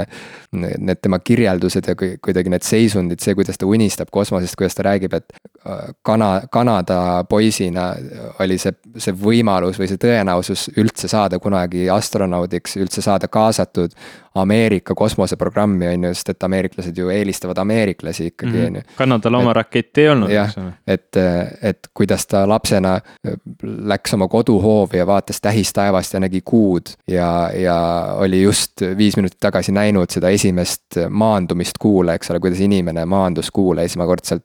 ja siis läks õue ja vaatas seda taevas helendavat kuud ja mõtles, et inimesed on, on seal käinud nüüd, et. ja mõtles, et huvitav, kas ma kunagi saaksin sinna ja kuidas ta lõpuks nagu jõudiski kosmosesse, et see on lihtsalt, see on uskumatu lugu. Mm.. noh, praegu on viimastel aastatel on ju palju olnud juttu Marsile sõitmisest mm -hmm. ja. ja kosmoseturismist on ju, kuidas Virgin -hmm. on arendanud välja lennuki, mis suudab väljuda maa atmosfäärist, on ju, ja mm. -hmm. et saad seal natukene siis nagu tiirutada planeedi kohal. et kõik see nagu on mõnes mõttes teinud selle kõik nagu kuidagi argisemaks või kogu, kogu selle mõtte nagu üldse kosmosest, et, et noh, et jah, et kui sul on palju raha, siis sa tegelikult juba saadki minna, on ju. aga tegelikult noh, päris niimoodi minna nagu ikkagi astronaudid, kosmonaudid kosmoses käivad, nad veedavad seal mitu kuud. Taikonaudid ja et veedavad seal mitu kuud ja käivad spacewalk idel, eks ole, ehk siis, et väljuvad sellest kosmosesõidukist või kosmosejaamast ja ongi reaalselt lihtsalt hõljuvad seal avakosmoses, on ju. et see kõik, äh, viimati ma kogesin seda Gravity filmi vaadates, mida ma vaatasin ka kaks korda vist, sest et mul oli, noh, see lugu ise on väga lihtsakoeline ja seal midagi erilist ei ole, aga. aga lihtsalt see, see kosmosetunne oli seal eriti kuidagi tajutav, eks ole. et nüüd seda Chris Hadfieldi raamatut lugedes, kui ta kirjeldab nagu seda kosmoses olemist, lihtsalt neid naljakaid imelikke hetki, kus no midagi läheb tal silma, need siuksed argimured nagu, mis, need argi ebamugavused, mis võivad nagu. ma ei tea, mitmesaja miljonilisi projekte lihtsalt pekki keerata, sellepärast et kellelgi seal nagu mingi veetilk hakkab hõljuma seal skafandri sees ja see keerab kõik pekki, on ju. et mhm. ühesõnaga, et see on hämmastav, see kõik on nii hämmastav ja ma mõtlesingi, et, et vaata, sina ju noh, sina kinkisid, sina otsustasid, et, et, et võiks Jimile kinkida selle raamatu või Evaga koos otsustasite, et. Et kas, kas sul on ka mingisugune kosmosefanatism kunagi olnud või, või mismoodi sina nagu kosmosest üldse huvitud, mis, mis sind kosmose juures huvitab, kui üldse? ma olen tegelikult ikkagi väga-väga kaua aega, niikaua kui ma mäletan, olnud väga suur kosmosehuviline. meil oli kodus kaks raamatut mida ma väga hästi mäletan, see sada üks autot oli üks neist ja, ja teine oli mingi teine sada üks mingit asja, igatahes ühes nendest olid raketid sees, äkki see oli sada üks lennukit ja seal olid vist raketid ka. Ja, ja, ja kuukulgur ja mm, mingid siuksed kosmosesondid ja ma ei ole neid raamatuid rohkem, rohkem kui kümme aastat kindlasti isegi näinud, aga mul on väga elavalt meeles, kuidas ma neid pilte vaatasin ja, ja väga nagu see, see kosmose, kosmos, ma arvan, et on väga palju inimesi, keda kosmos köidab, sest see on selline kauge, arusaamatu mingis mõttes, kättesaamatu ja, ja noh, täpselt nagu, nagu Chris Hadfield rääkis, et see tõenäosus, et sa üldse kunagi oma elu jooksul sinna saad, on nii nii ääretult pisike enamus inimeste jaoks maailmas. et noh, sellest võib-olla ei tasu unistada, aga samas, eks ole, näed, on inimesi, kes unistavad, tegutsevad ja, ja saavad. aga läbi aastate ma olen vaadanud nii palju erinevaid kosmose dokumentaalfilme, vaadanud kõiki neid, BBC-l oli üks ääretult tore lavastatud selline dokumentaalsari äh, kosmoserallist, kus siis nii-öelda ühelt poolt siis äh, Korolev Venemaal ja teiselt poolt siis äh, äh, Ameerikas endisest Natsi-Saksamaast siis kas nii-öelda päästetud või, või vabastatud või, või üle toodud siis insener Werner von Braun, kuidas siis, kuidas siis kaks suurt gigantriiki, maailma võimsamat riiki omavahel siis võitlesid, et kes jõuab esimesena kosmosesse, eh, kes jõuab esimesena äh, kuule ja, ja kaugemale, et see oli nagu ääretult äh, põnev ja kogu see, see teema, kuidas inimene on suutnud, inimene liigina on suutnud kasvada välja, et noh, tegelikult me oleme lihtsalt mingi ahv, eks ole. me oleme suutnud jõuda teisele taevakehale, me oleme suutnud jõuda kuule. see on nii absurdne mõte, et mingi loom, eks ole, vaata enda ümber ringi näengi neid loomi on igasuguseid. mingi loom oma evolutsioonis, sotsiaalses, bioloogilises, kuidas iganes, on, on jõudnud nii kaugele, et ta suudab oma planeedilt ära minna ja maanduda kuskil mujal ja siis tagasi tulla, see on, see on lihtsalt nagu absurdne ja see on nii inspireeriv minu jaoks, et ma tean, et on väga palju inimesi, kes äh, väga ei armasta inimest, vaata kui siuksed populaarsed meemid on, kuidas, et, et, et justkui nagu kuu ja maa räägivad ja, ja kuu siis vaatab maa poole ja maa aevastab ja on paha olla kuidagi, oi, et ma olen nakatunud inimestega ha,, ahahah, et mm, -hmm. et inimene on sihuke jube vastik, hävitav, hävitav liik kes, kes lõhub kõik enda ümber, et noh, seda võib mingis mõttes niimoodi käsitleda, aga minu jaoks inimene on see liik, kes ehitab, kes arendab, kes jõuab kuule. et, et minu jaoks on see alati väga inspireeriv olnud ka, ka kõikides tegudes, mis ma teen ja mul on nii kahju, et, et tegelikult meie põlvkonnal polegi ju seda olnud nagu, nagu oli Chris Hadfieldil, et ta istus ja vaatas telekast, kuidas inimesed saabusid kuule ja, ja meie põlvkonnal noh, tegelikult see kosmos oli, oli selleks ajaks juba kuidagi läbi mänginud teema, me ei olnud ka see põlvkond, kellele tulid need Star Warsi filmid ja kellele Star track oli selline kõige uuem ja ägedam asi ja, ja kuidas see inspireeris terve põlvkonna, noh, mitte ainult insenere, vaid inimesi, eks ole, mõtlema kosmosest ja, ja maailmast hoopis teistmoodi. aga nagu sa ütlesid, kosmos on jälle kuidagi cool'iks saanud ja, ja Elon Musk ja, ja Virgin ja, ja samamoodi see Jeff Bezos oma, oma erinevate projektidega äh, ütleme, kosmos siis nüüd erakätes, et see, see võib-olla on, on võib-olla mitte enam meile, aga ühele nooremale põlvkonnale selline ääretult tugev tuleviku inspiratsioon. seda ma ei oska tõesti ette ka kujutada, mis tunne see võis olla näha seda esimest kuu maandumist televiisorist, et nüüd me jõudsimegi kohale, ma ei kujuta ette, aga noh, meie põlvkonna kuu maandumise sihuke võrdväärne sündmus võiks olla siis see Marsi maandumine, eks ole mm. -hmm. noh, see on veel täitsa mõeldav see on mõeldav. kui me vaatame Elon Musk'i plaane, siis tegelikult ju järgmise mõnekümne aastaga, ega need plaanid on natuke ebaselged, aga, aga loodetavasti. aga mulle tohutult meeldis see, mismoodi sa rääkisidki sellest ebatõenäolisusest, et no kuidas üks sihuke loomake on jõudnud nii kaugele oma arvutuste ja, ja plaanidega, et tõesti ta lahkub oma planeedilt ja läheb kuu peale, eks ole, ma olen, olen kuulnud ka seisukohta, et, et see on ju noh, mõttetu kokkuvõttes, et, et noh, et me ei tea oma planeedistki mm. veel piisavalt palju, et, et mida me sinna nagu kosmosesse tikkume, kui meil, kui meie oma planeet Maa on veel täiesti noh, avastamata, on ju, et, et siiamaani on võimalik leida veel, avastada mingisuguseid suguharusid, kes elavad meie teadmata kuskil metsas, on ju, ja kellel on täitsa oma kultuur ja oma keel ja nii edasi, et me ei tea veel kõike isegi oma nagu erinevatest inimrühmadest, on ju, rääkimata sellest, et mis toimub ookeani sügavustes näiteks, kes seal elavad. Et iga kord, kui ma vaatan mõnda loodust, loodusfilmi ja jälle need mingid kalad võivad sealt mööda. see tundub täpselt nagu lihtsalt mingisugune arvutiprogramm, mida Disney Pixari stuudio ka mm. kasutab, lihtsalt paneb random mode'is nagu lihtsalt sülitab välja kala, mingeid erinevaid kalu.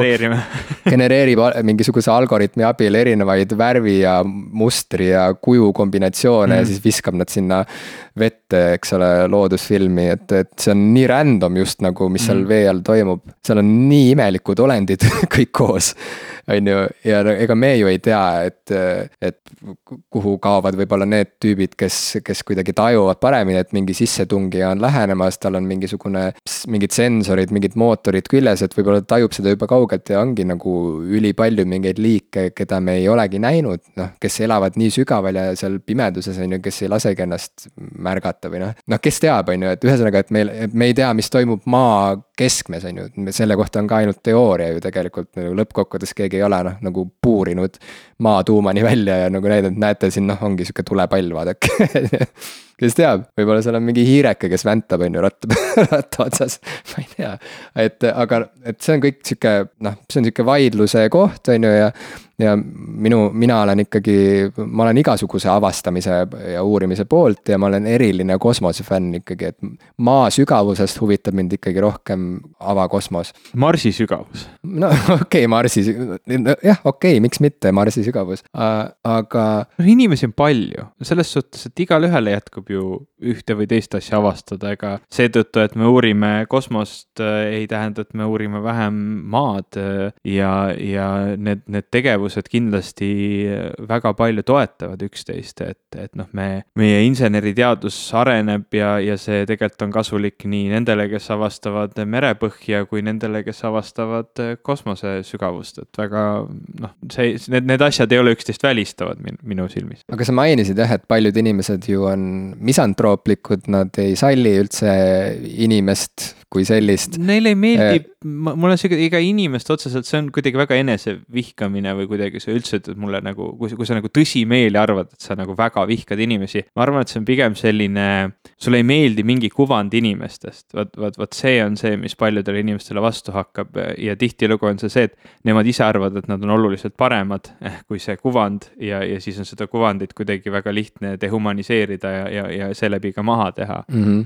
aga noh, lõpuks oleme me kõik keskmised inimesed inimesed, eks ole. hiljuti äh, levis ju uudis nendest uutest maasarnastest planeetidest mm, -hmm. mis järsku ilmusid välja ja Ekspressis oli ka äh, noh, küsiti erinevatelt inimestelt, et mis on teie ootused ja mhm, lootused mm -hmm. nüüd selle avastuse suhtes ja seal oli näiteks Kivisildniku sõnavõtt, kus ta rääkis just nimelt sellist talle väga iseloomulikku sihukest inimpõlglikku juttu, et, et noh, ühesõnaga igaüks võib ise lugeda seda sõnastust, ma ei hakka par parafraseerima, aga, aga see toon oli sihuke nagu tema puhul ikka, et eh, noh, et inimkond no, ei ole miski, mida. vist seda ikka nii väga lugeda et inimkond ei ole miski, millesse uskuda või mida väärtustada ja et see, et nad kosmosesse lähevad, et noh, et loodame, et seal planeetidel ei ole elu, sest et nad oleksid samasugused mölakad ilmselt nagu meie või veel hullemad aga mm, -hmm, jah, okei, et äh, see kõik muidugi tohutult äh, ajab elevile ja, ja, ja tegelikult kütab üles seda lootust, et äkki kunagi ikkagi meil on võimalik äh, saavutada kontakt millegi täiesti teistsugusega. lavastuses keegi ei räägi koeraga normaalselt, mul oli täpselt sihuke lause, ma mängisin mm. kosmonauti korraks seal lava peal, ütlesin, et rääkisin oma lapsepõlve unistusest, et ma olen lapsest saadik tahtnud saada kosmonaudiks. nagu paljud lapsed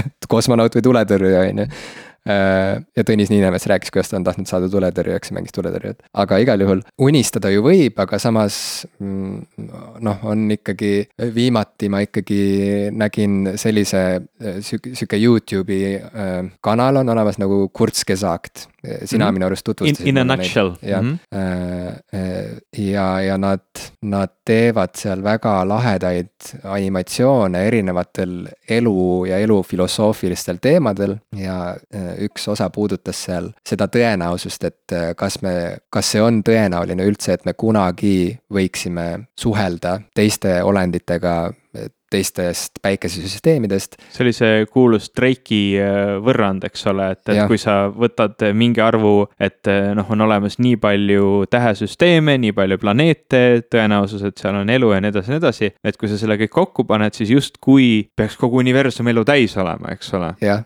aga seal aga, lõpuks aga, see järeldus oli ikkagi see, et me ei kohtu mitte iial mitte ühegi teise elu, eluvormiga kuskil kosmoses, sest et see on juba puhtfüüsiliselt võimatu mm. -hmm. et kõik need teised galaktikad asuvad meist lihtsalt liiga kaugel ja isegi kui meil oleks tehnikat Äh, piisavalt häid äh, kosmoselaevu, millega hakata siis õiges suunas minema, siis ikkagi me ei saagi jõuda selle järgmise galaktikani välja, sest et äh, me tegelikult asume piltlikult sihukeses oma mullis, kust ei ole tegelikult, sealt ei ole võimalik pääseda välja ja tegelikult kõik need erinevad, ütleme siis maailmad asuvad oma sellistes mullides, mis kõigele lisaks muudkui kaugenevad üksteisest. et see, mis universumis paisub, on see nii-öelda tühjus või see see nagu sihuke. aegruum. aegruum jah, et, et ta nagu paisub ja, ja tegelikult eraldab meid kõiki äh, üksteisest äh, aina rohkem ja rohkem.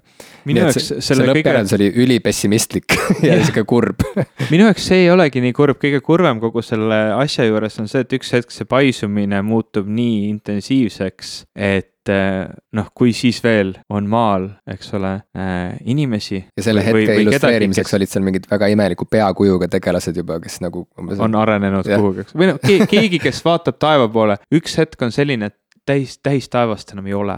lihtsalt, lihtsalt taevas on, on must. kõige, kurvem asi minu jaoks. sest kõik tähed, kõik tähesüsteemid on lihtsalt juba nii see kaugele ju. kaugenemine on muutunud nii intensiivseks, et, et me lihtsalt ei saa neid enam näha. me elame imelisel ajal selles suhtes. jah, et tulevik on see, et et äh, meid ümbritseb pimedus, me oleme täiesti üksi, täiesti kapseldunud ja ootame oma lõppu aga äh, jällegi, see on ju teooria ja noh, nagu. väga nagu hästi, põhj väga hästi põhjendatud, väga hästi põhjendatud teooria, teooria., ma üldse ei ütle, et teooria on kuidagi halvustav, aga teooria, alati on jube tore, kui teooria ja praktika käi-, käivad käsikäes ja, ja kosmose avastamise puhul just see praktiline pool areneb meil üliaeglaselt, sest et see on äh, nii keeruline kõik, see on nii kallis, see on nii aeganõudev, äh, et et ega sajaprotsendilise kindlusega ei tea ju keegi, kas saabub kontakt kellegi sootuks teistsugusega või mitte, on ju. lihtsalt teoreetiliselt, kui uskuda mingit sorti teooriaid, teoreetiliselt see on välistatud. aga noh no, kahjuks ütleme, ütleme, ainus asi, mis meil on, ongi teooriad. suur, me räägime siin tegelikult sellest, et noh, et me näeme kedagi keda me kirjeldaksime just nagu endeid või, või isegi noh, suurem tõenäosus, et me leiame kedagi, kes on meist veel palju arenenum, aga äh, või, või et noh, et neid, neid on kuskil, et kui, kui keegi meieni jõuaks, siis ilmselt oleks väga suure tõenäosusega nad oleksid meist väga-väga palju arenenumad. aga üsna suur on ka tõenäosus, et meie oma päikesesüsteemist me leiame mikroobset elu või, või elu, mis noh, pole küll võib-olla nii äge kui, kui mingisugune. laseriga tulnukas. jah, laseriga tulnukas, aga, aga on siiski elu ja, ja ma ütleks, et see tõenäosus, ma arvan, et see tõenäosus on küllaltki suur. Äh, noh, päikesesüsteemis on ju, päikesesüsteemis on ka ju mitmeid äh, kuid, planeete, Marsil arvatakse, et on, äh, võib olla mikroobne elu või, või vähemalt, et kunagi võis olla või et sealt võib kunagi leida mingeid elujälgi. on ju, eks ole, planeetide kuid, millel on ka vedelat vett, äh, kasvõi siis väga paksu jääkihi all, kui me kunagi sinna oleksime võimelised minema, kas mingi sondiga või, või siis nagu mingi kuidagi veel ägedamal viisil, et, et noh, on suur tõenäosus, et me, või noh, suur tõenäosus on palju öelda, aga on tõenäosus, et me leiame sealt elu. Ja, ja, ja siis minu jaoks veel kõige huvitavam küsimus, milline see elu on, kas ta on üles ehitatud sarnastel alustel äh, nagu meie, noh, suur tõenäosus on, et ta on süsinikul põhinev, süsinik on väga hea element selliste keeruliste keerukate struktuuride moodustamiseks. meie ainukene nii-öelda kontrollpunkt maal, ehk siis see elu, mis siin on, ütleb meile, et ka vesi on ääretult oluline elu, elu toimimiseks, ta on väga universaalne lahusti. ja, ja seetõttu noh, me võime ka spekuleerida, et, et kus on vett, et seal võib ka olla elu, mis seda vett mingil määral tarvitab või, või vajab. ja, ja noh, ütleme, kui meie elu põhineb DNA-l kui pärilikkusainel, siis me ilmselt võime spekuleerida ka, et, et mingisugune pärilikkuse süsteem peab ka sellel elul olema, nii et noh, ma ütlen, et see on, see ei ole üldse nii ebatõenäoline, et kasvõi oma päikesesüsteemist me üks hetk võime leida elu ja see on üks ääretult, ääretult huvitav päev ehm,. ilmselt see elu lihtsalt ei ole selline, mis meile jalutab uksest sisse ja laseritega hakkab tulistama. minul siiski ainus tõeline eluunistus on käia kosmoses ära, kui ma tõsiselt mõtlen, et mida ma nagu tõesti tahaks enne surma kogeda, siis see on just see. Äh, ja noh, see Astronaut's Guide to Life on Earth raamat lõi selle soovi jälle eriti veel lõkkele. aga kas ja... vastupidist ei tekitanud, et, et seal ju tegelikult kirjeldab seda protsessi nii ja, ja. keeruka ja, ja. jube ja... ebamugav, jube keerukas, jube paljunõudev, väga ohtlik, aastakümneid äh, peab eelnema sellele eritreeningut ja nii edasi, aga noh, küllap noh, minu, minu lootus on lihtsalt see, et ma saan kosmoseturistina sinna mm -hmm. minna, eks ole. Äh, oled sa raha kõrvale panema? ei, ma ja mu lootus on ka see, et piletid lähevad odavamaks. Aga no pikemas plaanis mulle tundub ju, et mulle ju tundub mulle tundub, et äh, kuu oleks näiteks reisi sihtkohana ju super et oleks. kui, kui saaks ühel päeval lihtsalt valida, et noh, muidugi sa ei saa seal kuu peal suurt midagi teha, on ju, aga no kui sinna ehitatakse, on ju, mingisugune, mingit sorti linnak, mingisugune keskus, on ju, ja sa saad natukene võib-olla isegi seal õues ringi käia. Äh, et noh, sa saad valida, et kas ma lähen, on ju, kas ma lähen Budapesti puhkusele või lähen näiteks oma kaasaga, eks ole, kuule äh, kuuks ajaks et, et see on ju noh, mõtle, mis, mis, mis, mis valik see võiks olla, eks ole. vaadata kuu pealt jah. maad ja ja ma kuidagi usun ikkagi ka sellesse, et see kogemus muudab inimest päriselt nagu see, kui ta saab oma pla-, samamoodi nagu vaata igasugune reisimine ju muudab sind, on ju, ta avardab oluliselt sinu kuidagi sihukest elutunnetust ja enesetunnetust, eks ole. sa järsku nagu ongi, et, et kui sellele eelneb teooria, sa tead, et teoorias maailm on suur ja kirev ja et on väga palju erinevaid inimesi, erinevaid kultuure, erineva väljanägemisega linnasid, siis seda otseselt kogedes, praktikas kogedes, äh, sa saad sellest nagu päriselt aru ja see hakkab sulle päriselt nagu, see hakkab päriselt sind muutma. enne seda sa nagu fantaseerid, eks mm -hmm. ole, mhm. et, et siis ikkagi mulle näib, et samamoodi seal raamatus ikkagi see astronaut räägib, et see, see kogemus ikkagi, mismoodi see ikkagi teda muutis, see, kui ta nagu nägi, kui ta nägi maakera oma mm -hmm. silmadega lihtsalt, et akna taga või, või siis tema selle visiiri taga oligi meie see planeet, et see noh, see kohe muudab su suh-, suhet üldse nagu el ellu, suhet sellesse planeeti et ma kujutan ette, et sellel võiks olla mingisugune väga teraapiline ja sihuke nagu igatpidi avardav äh, mõju tegelikult paljudele inimestele ja muidugi jällegi skeptikud ju võivad öelda, et, et see võib ka inspireerida uut põlvkonda mölakaid, kes kohe seal kosmoses hakkavad. ja ma olen kuulnud, et või pöörata, ma olen lugenud ühest raamatust, et kuul on, on selline kapitalismi põrgu, nii et ei teagi, kas me peaksime. kuu sellel teisel küljel, mida me ei näe või? ei, see oli seal kuu sees, kus kuu, kuulapsed või kuulased või, Totu Kuul, ma see oli, seal oli kuul, kuul oli kapitalistlik põrgu mm. -hmm. aga no,. aga, aga äkki ongi jah, et. sel-, selles inspiratsiooni et... osas ma olen sinuga muidugi väga nõus, ma ei tea, kas sa oled kunagi vaadanud Carl Sagani ähm, sarja Kosmos äh, või, või, või nüüd ei, uut äh, Neil deGrasse Tysoni sarja Kosmos või lugenud Carl Sagani teoseid mm. -mm. et ähm, ma soovitan, paneme saate märkmetesse ka, on, on Youtube'is klippe Carl Sagani sarjast äh, mille nimi on The Pale Blue Dot, äh, kus siis on, tehti foto, see oli kas Voyager kaks või, või Voyager üks, mul, mul ei ole hetkel meeles, kui ta äh, hakkas meie päikesesüsteemis juba küllaltki kaugele maast jõudma, et oli veel võimalus keerata ta ümber, teha pilt maast väga kaugel, ise maast olles. ja sellel pildil tegelikult see maakera ongi lihtsalt üks sinine täpp ja selle foto nimeks sai siis The Pale Blue Dot ja Carl Sagan, olles nii ääretult poeetiline ja, ja nii hea teaduse ja, ja üldse inim, inimmõtlemise kommunikaator, nagu ta oli, kirjutas sinna ümber sellise loo sellest, kuidas absoluutselt kõik, mis kunagi on toimunud, kõik sõjad, kõik armastused, kõik vihkamised, kõik teosed, kõik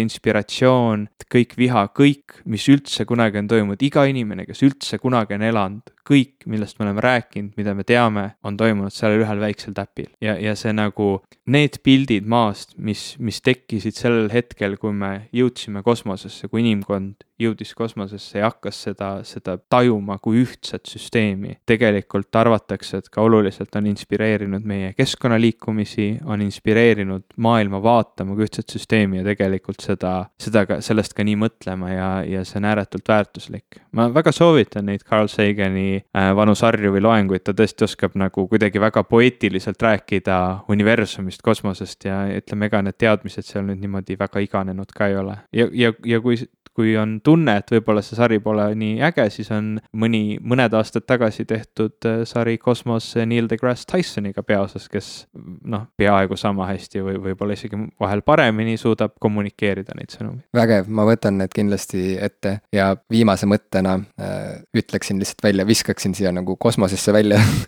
veel ühe soovi, et nii nagu mu eluunistus on jõuda kunagi kosmosesse elusana siis siis, siis minu äh, ideaalmatus, ütleme äh,, oleks selline, et mind, et mu keha äh, lihtsalt äh, noh, visataks kosmosesse. kusjuures see on nii naljakas, ma olen seda mõelnud enda puhul samamoodi mm.. ma ei ole sellest väga cool., väga rääkinud, aga, aga ma olen ka kujutanud ette, et see. ma ütlesin cool selle peale cool,. kujutades ette, kuidas me oleme mõned surnud kanged kehad, mis on mingisse kangasse mässitud ja mis lihtsalt visatakse kosmosesse nagu mingi prügi ja mis põlevad tõenäoliselt kuskil atmosfääris lihtsalt tuhaks, aga, aga ma mõtlesin cool. kui, kui, me, meid visatakse kuhugi avakosmosesse, siis see, et tõenäoliselt me kuhugi atmosfääri jõuame, ei ole muidugi ääretult suur. aga, aga noh, selles suhtes äh, jah, see on nagu huvitav mõte, ma ei tea, miks ma sellele mõelnud olen, aga jah, selline kos-, kosmiline matus. no sest ma olen nagu kuidagi alati küsitakse inimestelt, et oo, kas sa eelistaksid sind nagu maetakse maha või sa eelistaksid Tuhastat. seda, et sind tuhastataks. ma olen nagu mõelnud, mulle nagu kumbki variant ei sobi hästi, mulle tundub, et, et see on rõve, et ma seal kõdunen, on ju mingid aglad nagu söövad mind, on ju. ja ma olen täiesti üksi seal mulla all ja see on ka rõve, et ma lihtsalt nagu, et ma põlen. -hmm.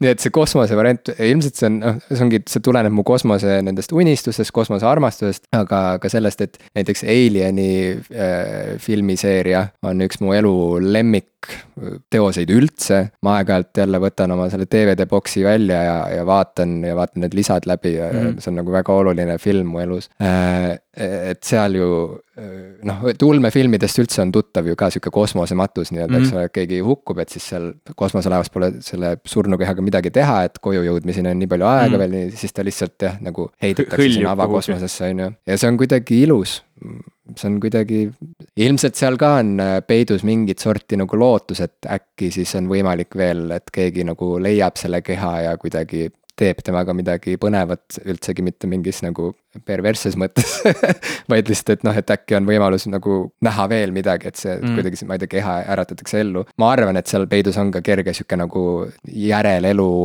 soov, soov., soov kuidagi igavese eluni või näha, näha asju, mis ja, on nagu võimatud. su keha on ju, on ju mm. seal kosmoses täiesti jäätunud, on ju, ta ei kõdune, ta nagu jääb samasuguseks ja lihtsalt hõljub seal, ma ei tea, miljon aastat, on ju, aga et ka se-, selles mõttes on midagi palju kihvtimat kui lihtsalt mm -hmm. nagu kõdunemises ja põlemises. jah, mul on väike palve ka meie kuulajatele, kui te tahate juba või, või äkki te olete seda juba teinud, ma ei tea, te ei ole lõpuni kuulanudki ja tahate meile kirjutada sellest, kuidas inimene pole kunagi kuul käinud ja see kõik filmiti ühes äh, mingis stuudios kuskil Nevada kõrbes üles, siis äh, ärge tehke seda, te tõenäoliselt ei üllata mind mitte ühegi teooriaga. Äh, ja kui te tahate seda uskuda, siis palun, aga tõenäosus, et te minu meelt muudate, on ääretult väike ja ma pigem kustutan selle kirja ära lihtsalt, kui hakkan ennast väsitama selle lugemisega. Astronauts Guide seda äh, seda raamatut lugedes, millest me oleme nüüd siin pikalt rääkinud, ma kuidagi muiates mõtlesin ka sellele, et kuidas lameda maa teoreetikud võiksid suhtuda sellesse memuaari, et see on ikka nagu nii naljakas, kuidas äh, jällegi see faktid versus äh, see, mida inimene usub, on ju, mhm. et noh, et, et selle inimese jaoks, kes usub, et maa on lihtsalt lame, tema jaoks ju jällegi selle astronaudi memuaar on äh, osa sellest vandenõust mm. -hmm.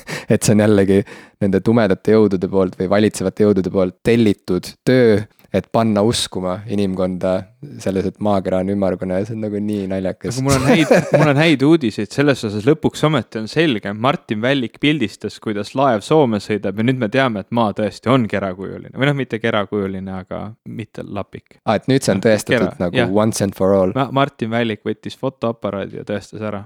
jääb üle ainult äh, teha sügav kummardus austatud fotograafile. vähemalt see teema on nüüd lõpetatud